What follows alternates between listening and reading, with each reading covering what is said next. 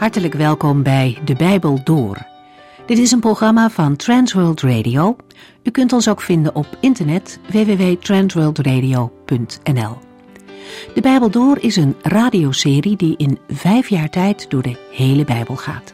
Van Genesis tot Openbaring, van kaft tot kaft.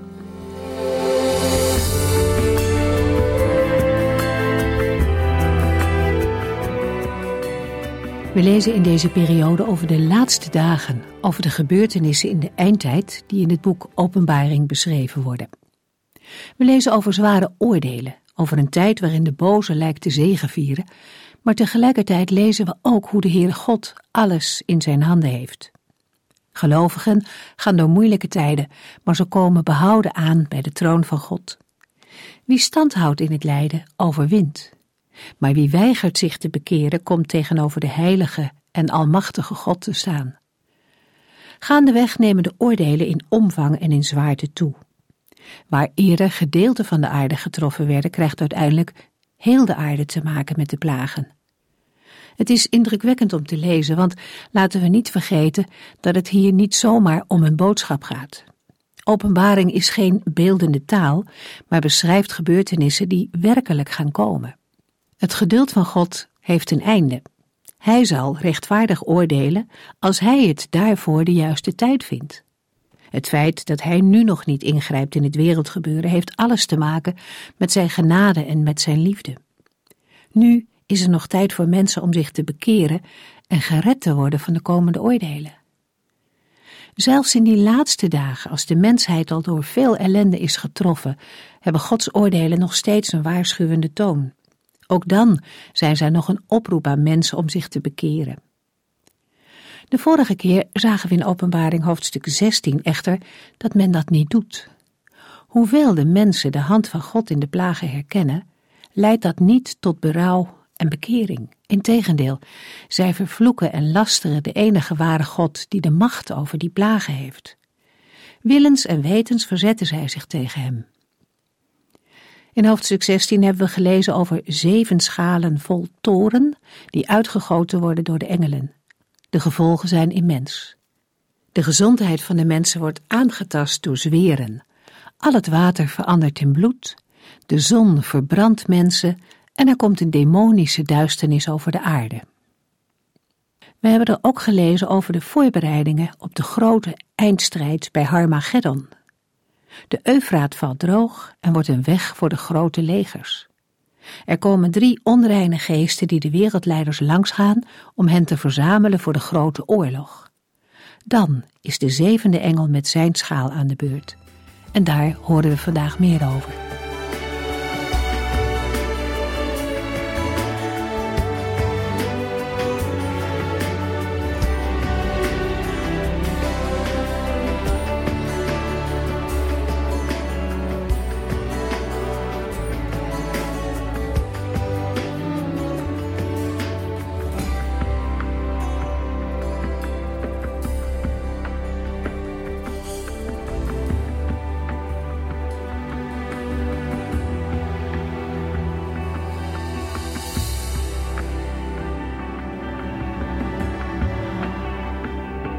De vorige uitzending lazen we dat de zevende engel zijn schaal uitgoot in de lucht.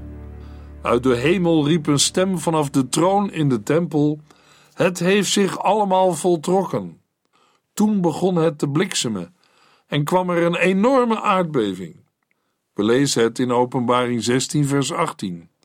Het begon te bliksemen, te rommelen en te donderen, en er kwam een enorme aardbeving zoals er nog nooit was geweest, zolang er mensen op aarde wonen.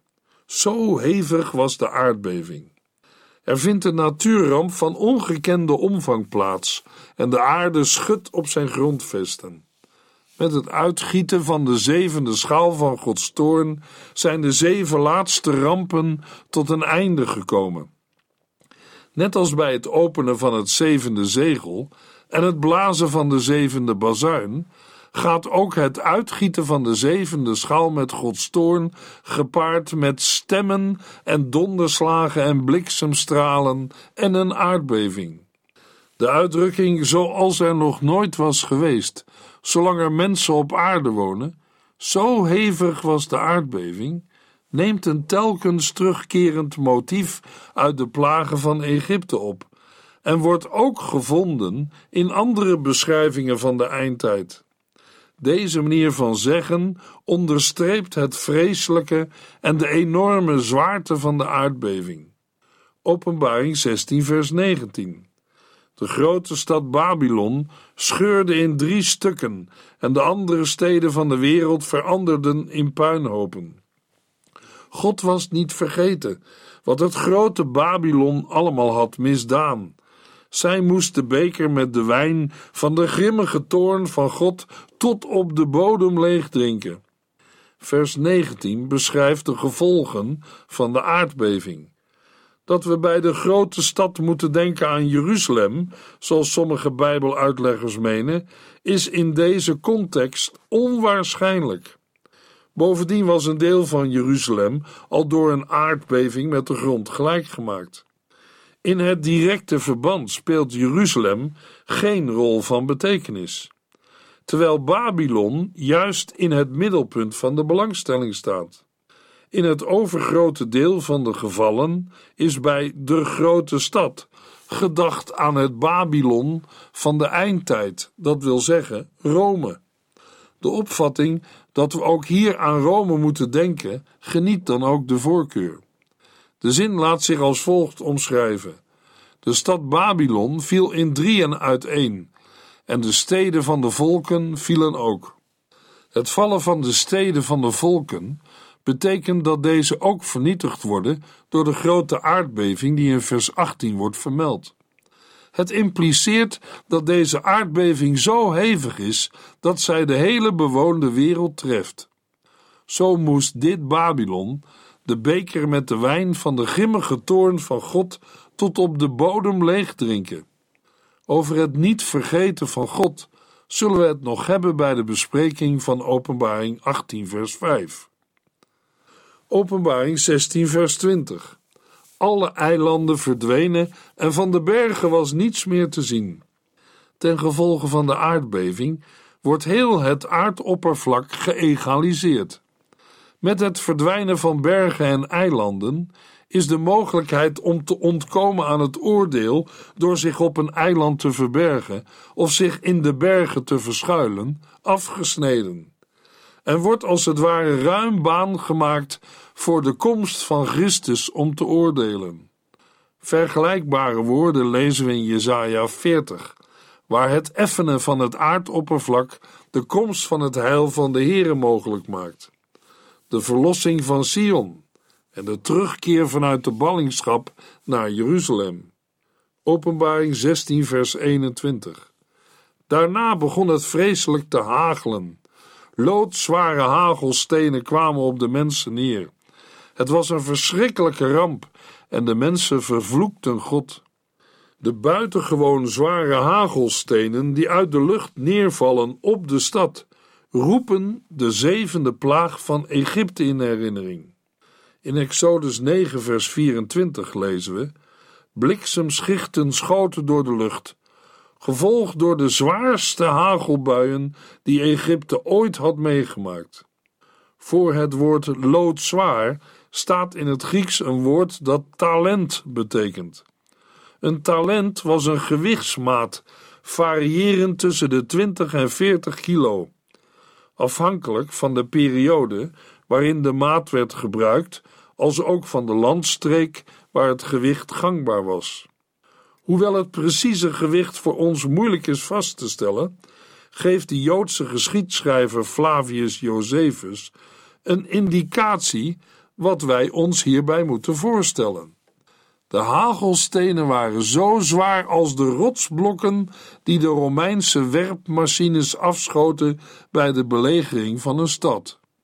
Maar net als bij het uitgieten van de vierde en de vijfde schaal met Gods toorn, resulteert de ramp niet in een erkenning van de Heere God. Integendeel, de mensen vervloekten God en lasterden de Heere vanwege de verschrikkelijke ramp met de hagelstenen. De Heere had hen herhaaldelijk en op vele manieren gewaarschuwd, ook met opvoedkundige maatregelen. Nu was de maat vol. Zij die weigeren God de eer te geven, die hem als schepper van hemel en aarde toekomt, en zich niet bekeerden, werden onder loodzware hagelstenen bedolven. Zij hadden nog tijd om te bidden, maar er kwam geen gebed over hun lippen. Zij lasterden en vervloekten God. Openbaring 17, vers 1. Een van de zeven engelen met de zeven schalen zei tegen mij: Kom, ik zal u laten zien onder welk oordeel de grote hoer valt, die aan vele waterwegen zit. Johannes krijgt, net als in Openbaring 21, vers 9, uitleg van een van de zeven engelen met de zeven schalen. Strikt genomen wordt het komende oordeel over de hoer alleen in vers 16 genoemd en pas in Openbaring 18 beschreven. Openbaring 17 is de inleiding op het oordeel. Volgens Openbaring 17, vers 18 is de grote hoer die aan vele wateren zit, een aanduiding van de grote stad die de koning van de aarde in haar macht heeft. In het Oude Testament worden heidense steden als Tyrus en Nineveh, maar ook het afvallige Jeruzalem met een hoer vergeleken, vanwege de seksuele immoraliteit, maar ook vanwege de goddeloosheid en afgodendienst van de inwoners. Prostitutie en afgodendienst waren nauw met elkaar verbonden. De stad waarvan hier sprake is, wordt elders in het Bijbelboek Openbaring aangeduid als Babylon. En de beschrijving ervan is dan ook grotendeels ontleend aan het historische Babel dat ten tijde van de oud-testamentische profeten de wereldmacht bezat. Maar het moet de lezers van het Bijbelboek Openbaring niet moeilijk zijn gevallen om er dezelfde kenmerken van de stad Rome in te herkennen. Bovendien was Babylon in Joodse en christelijke kringen een verhullende aanduiding van Rome. Zo wordt op deze manier gebruik gemaakt van voor de lezers of hoorders herkenbare situaties om gebeurtenissen in de eindtijd te beschrijven. Het historische Babylon in Mesopotamië lag aan vele waterwegen. De rivier de Eufraat doorkruiste de stad. Er waren kanalen rondom de stad en bovendien was er een groot irrigatiesysteem aangelegd. Hoewel de vele waterwegen in letterlijke zin beter bij Babylon passen, gold de typering ook voor de stad Rome. De stad die in Openbaring 17 model staat voor het goddeloze wereldsysteem van de eindtijd. Rome, gelegen aan de rivier de Tiber, was via de havenstad Ostia direct met de zee verbonden en was voor het contact met de omliggende landen grotendeels aangewezen op transport over zee. Openbaring 17, vers 2. De koningen van de aarde hebben ontucht met haar gepleegd, en de bewoners van de aarde zijn dronken geworden van de wijn van haar ontucht. De grote hoer wordt verder omschreven als iemand met wie de koningen van de aarde ontucht hebben gepleegd. Zij heeft hoererij bedreven met de koninkrijken van de wereld. De bewoners van de aarde zijn dronken geworden van de wijn van haar ontucht. Zij allen hebben zich ingelaten met de goddeloze praktijken van het beest, door onder meer zijn beeld te aanbidden en de gelovigen te vervolgen. In het Bijbelboek Openbaring zijn de woorden de bewoners van de aarde een algemene aanduiding van de van God afgevallen mensheid. Openbaring 17, vers 3. De engel nam mij in de geest mee naar een woestijn. Daar zag ik een vrouw op een rood beest zitten. Het beest had zeven koppen en tien horens, en zijn lijf stond vol met godslastelijke namen. Johannes wordt door de engel in de geest weggevoerd naar een woestijn. De bepaling in de geest duidt aan dat hij een geestelijke ervaring heeft, in onderscheid van een wegvoering in het lichaam. Een woestijn kan ook worden opgevat als een eenzame plaats. Het woord herinnert aan Jesaja 21 vers 1, waar Babel eveneens wordt verbonden met een woestijn. Johannes ziet Babylon in de gestalte van een vrouw, de grote hoer, die hem was aangekondigd in vers 1. Voordat de vrouw zelf wordt beschreven, vertelt Johannes dat zij op een rood beest zit. Dit beest is direct herkenbaar als het beest uit de zee, dat in Openbaring 13 werd beschreven, want het heeft zeven koppen en tien horens. Ten opzichte van Openbaring 13 is de volgorde van de horens en de koppen omgedraaid. En de godslasterende namen staan nu niet alleen op de koppen, maar op zijn hele lijf. Nieuw in de beschrijving is met name het feit dat het beest rood is. Rood was een geliefde kleur bij de Romeinse heersers. Maar in de Bijbel is het rood de kleur van de zonde. De Heere zegt bijvoorbeeld in Jesaja 1 vers 18: Al waren uw zonden rood als scharlaken, ik maak ze wit als sneeuw. Al waren ze vuurrood, ze zullen worden als witte wol. Het feit dat de vrouw op het beest zit, duidt op de nauwe band tussen beiden. De identiteit van de vrouw wordt in vers 18 onthuld, namelijk: De vrouw die u zag is de grote stad die de koningen van de aarde in haar macht heeft. De vrouw is een stad, en de stad is Rome, de godsdienstige hoofdstad van de wereld. Kerkvader Augustinus schreef over Babylon en Rome. Babylon is een vroeger Rome en Rome is een later Babylon. De stad wordt verder geïdentificeerd in Openbaring 17, vers 9, waar we lezen: Het vereist wijsheid en inzicht om dit te begrijpen. De zeven koppen van het beest zijn de zeven bergen waar de vrouw op zit. Ook zijn het zeven koningen. Rome was een stad die op zeven heuvels of bergen was gebouwd en als zodanig ook bekend was bij geschiedschrijvers. Horatius, een Romeins dichter, schreef: De goden die met welgevallen kijken naar de zeven heuvels. Ook de Romeinse dichter Ovidius schrijft over Rome en voegt toe: Maar Rome kijkt om zich heen over de hele aardbol, vanaf haar zeven bergen, de zetel van het rijk en verblijfplaats van de goden. Kerkvader Augustinus, die in dezelfde tijd leefde, citeerden we al. Openbaring 17, vers 4. De vrouw had prachtige donkerrode kleren aan en was behangen met gouden sieraden, edelstenen en parels. In haar hand hield zij een gouden beker vol met de gruwelijke en onreine dingen van haar ontucht. In de versen 4 tot en met 7 wordt een uitvoerige beschrijving gegeven van de vrouw die op het beest zit. Ze is uitgedost in weelderige kleding en versierd met kostbare sieraden. De kleur van haar kleding komt overeen met die van het beest en laat hun verwantschap zien.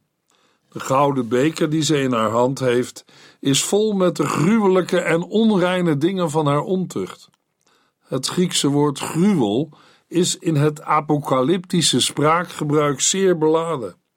Het wordt onder meer gebruikt in Daniel 12, vers 11, waar we lezen: Vanaf de dag waarop het brengen van het dagelijks offer wordt gestaakt en er een ontzettende gruwel wordt neergezet om te aanbidden, zullen 1290 dagen voorbij gaan. Uit Daniel 9 weten we van de komst van een koning die de stad en de tempel zal verwoesten. We lezen van hem in Daniel 9, vers 27. Deze koning zal een verbond van zeven jaar sluiten, maar halverwege zal hij de mensen dwingen te stoppen met het brengen van slachtoffers en spijsoffers. En tenslotte zal de vijand in het heiligdom van God een ontzettende gruwel plaatsen.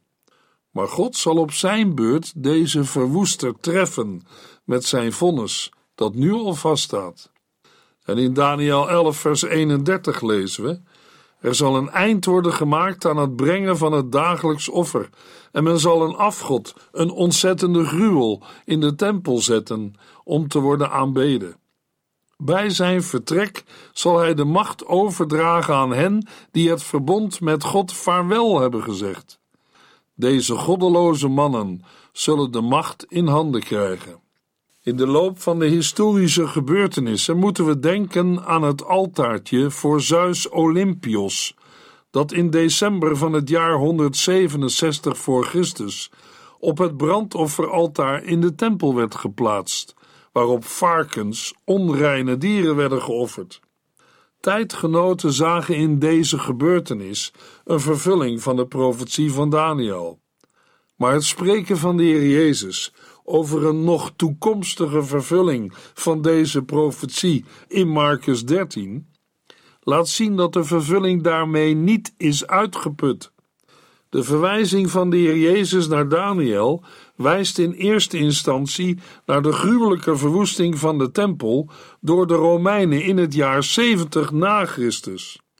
Maar uit het vervolg van Marcus 13 blijkt dat ook daarmee de aanduiding niet is uitgeput en de profetie uiteindelijk vooruitwijst naar het optreden van de antichrist. Verderop in de profetie van Daniel blijkt inderdaad dat het optreden van Antiochus niet op zichzelf staat, maar dat hij een voorloper is van een tegenstander van God in de eindtijd. Op het optreden van deze goddeloze koning wordt binnen het volk van God verschillend gereageerd. Sommigen, in Daniel 11, vers 31, aangeduid als degenen die het verbond met God vaarwel hebben gezegd, zullen door het vleiende gepraat van deze koning tot afval worden overgehaald. Het volk dat zijn God kent, zal God trouw blijven. Zij zullen sterk worden en dappere daden verrichten. Inderdaad zijn er veel Joden in de dagen van Antiochus die zich verzetten tegen zijn godsdienstige maatregelen, omdat zij trouw willen blijven aan de bepalingen van het verbond van de Here. Zulke mensen worden in Daniel 11, vers 33 aangeduid als degenen die geestelijk inzicht hebben. Zij zullen vele deelgenoot maken van hun kennis, maar zij betalen daarvoor een hoge prijs. Zij zullen voortdurend in gevaar verkeren. Vele van hen zullen sterven door het zwaard, verbrand, gevangen gezet of beroofd worden. Anders dan de vrienden in de vurige oven of Daniel in de leeuwenkuil worden zij niet gered. Velen die trouw blijven aan Gods verbond, zullen dat met de dood moeten bekopen. Zij zullen wel hulp krijgen, maar velen van hen die zich bij hen voegen, doen dit uit valse motieven. Bovendien wordt verderop duidelijk dat werkelijke verlossing niet van mensen te verwachten valt, maar alleen van God. De vervolging leidt ertoe dat de groep van verstandigen gelouterd, gereinigd en gezuiverd wordt. Doordat degenen met valse motieven worden afgeschrikt en alleen zij overblijven die het werkelijk om Gods verbond is te doen.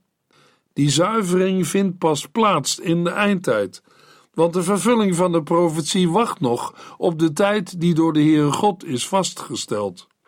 Openbaring 17, vers 5. Op haar voorhoofd stond een geheime naam geschreven: Het grote Babylon, de moeder van alle hoeren en van alle gruwelijkheden in de wereld. Ter verduidelijking van de naam die op het voorhoofd van de hoer is geschreven, wordt veelal gewezen op de gewoonte van de hoeren van Rome om hun naam of die van hun zoeteneur op een hoofdband te schrijven. Maar het staat niet vast of dit inderdaad een gebruik was, en bovendien is er in het Bijbelboek Openbaring zelf herhaaldelijk sprake van namen die op het voorhoofd geschreven zijn. Zo de 144.000 verzegelden uit Israël, de volgelingen van het beest en de gelovigen in het Nieuwe Jeruzalem. De achtergrond daarvan is het Oude Testament, met name Ezekiel 9, vers 4, waar het aanbrengen van een teken op het voorhoofd dient om iemand van anderen te onderscheiden. Het is dan ook aannemelijker dat we de naam op het voorhoofd in die zin moeten verklaren. Of we ons moeten voorstellen dat ook het woord mysterie of geheimenis op het voorhoofd van de vrouw stond geschreven, hangt af van de in de oorspronkelijke Griekse tekst afwezige interpunctie. We kunnen de zin vertalen met: Er stond een mysterieuze naam op haar voorhoofd geschreven, namelijk Babylon. Maar de zin is ook te vertalen met: Op haar voorhoofd stond een naam geschreven: Mysterie, Babylon. Hoeren en gruwelijkheden verwijzen naar twee categorieën van zonde. Op het gebied van ontucht en afgoderij, waarmee de gouden beker in vers 4 was gevuld. Over de woorden het grote Babylon hebben we al gesproken bij de uitleg van Openbaring 14 vers 8 en 16 vers 9. In het Bijbelboek Openbaring is Babylon de stad van de Antichrist, de tegenhanger van het hemelse Jeruzalem. De beschrijving ervan vertoont alle kenmerken van het toenmalige Rome, dat als het ware model staat voor de stad van de Antichrist in de eindtijd. In de tijd van Johannes was Babylon een gangbare symbolische aanduiding van Rome. De oorzaak van haar val is dat zij al de volken heeft meegesleurd in haar hoererij. Iets daarvan zien we in de geschiedenis van twee bekende apostelen uit het Nieuwe Testament, namelijk Paulus en Petrus. Het markeert het begin van de christelijke gemeente in Jeruzalem. De gelovigen die uit Jeruzalem naar Rome terugkeerden, zullen zeker van hun geloof in de Heer Jezus getuigd hebben. Verder emigreerden gelovigen uit de gemeenten, die bijvoorbeeld door Paulus waren gesticht, naar Rome. Rond het jaar 49 na Christus werden de Joden tijdelijk uit Rome verdreven, omdat zij volgens de Romeinse geschiedschrijver Suetonius voortdurend in onrust verkeerden op aanstichten van een zekere Christus. Hierdoor moesten onder andere Aquila en Priscilla Rome verlaten. Het is aannemelijk dat het bij de genoemde Christus in wezen om Christus gaat en dat er binnen de Joodse gemeenschap ruzie was ontstaan over het christelijke geloof. Als het verbanningsedict voor de Joden is ingetrokken en Paulus in het voorjaar van het jaar 55 na Christus zijn brief aan de gemeente van Rome schrijft, zijn er volgens Romeinen 16 vele gelovigen van zowel Joodse als niet-Joodse achtergrond. De Romeinse geschiedschrijver Tacitus vertelt dat Nero de christenen ervan beschuldigde de brand van Rome te hebben aangestoken. Tacitus schrijft dat een grote menigte dit verderfelijk bijgeloof aanhing. De vervolgingen onder Nero zouden uiteindelijk zowel Paulus als Petrus het leven kosten. Rome is dan al een poel van verderf en kan van haar gezegd worden: in haar hand hield zij een gouden beker, vol met de gruwelijke en onreine dingen van haar ontucht. Maar daarover meer in de volgende uitzending.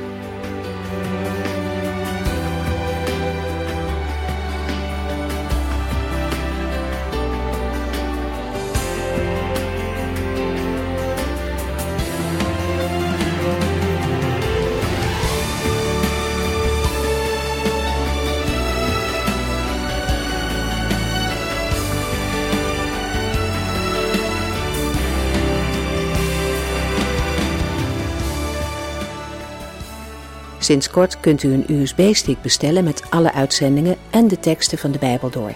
Ons adres volgt in de afkondiging. En hier eindigt deze aflevering van De Bijbel Door. Een serie programma's van Transworld Radio. Wilt u ons iets vragen of meer weten? Dan kunt u altijd contact met ons opnemen. Bellen kan overdag met 0342 478432. Per post Transworld Radio, postbus 371, postcode 3770, Anton Johannes in Barneveld. En e-mailen kan ook. De Bijbel door at transworldradio.nl En natuurlijk ook via onze website transworldradio.nl Dit programma werd gepresenteerd door Cor Weda en Ike André. En namens iedereen die er nog meer aan meegewerkt heeft, graag tot de volgende keer.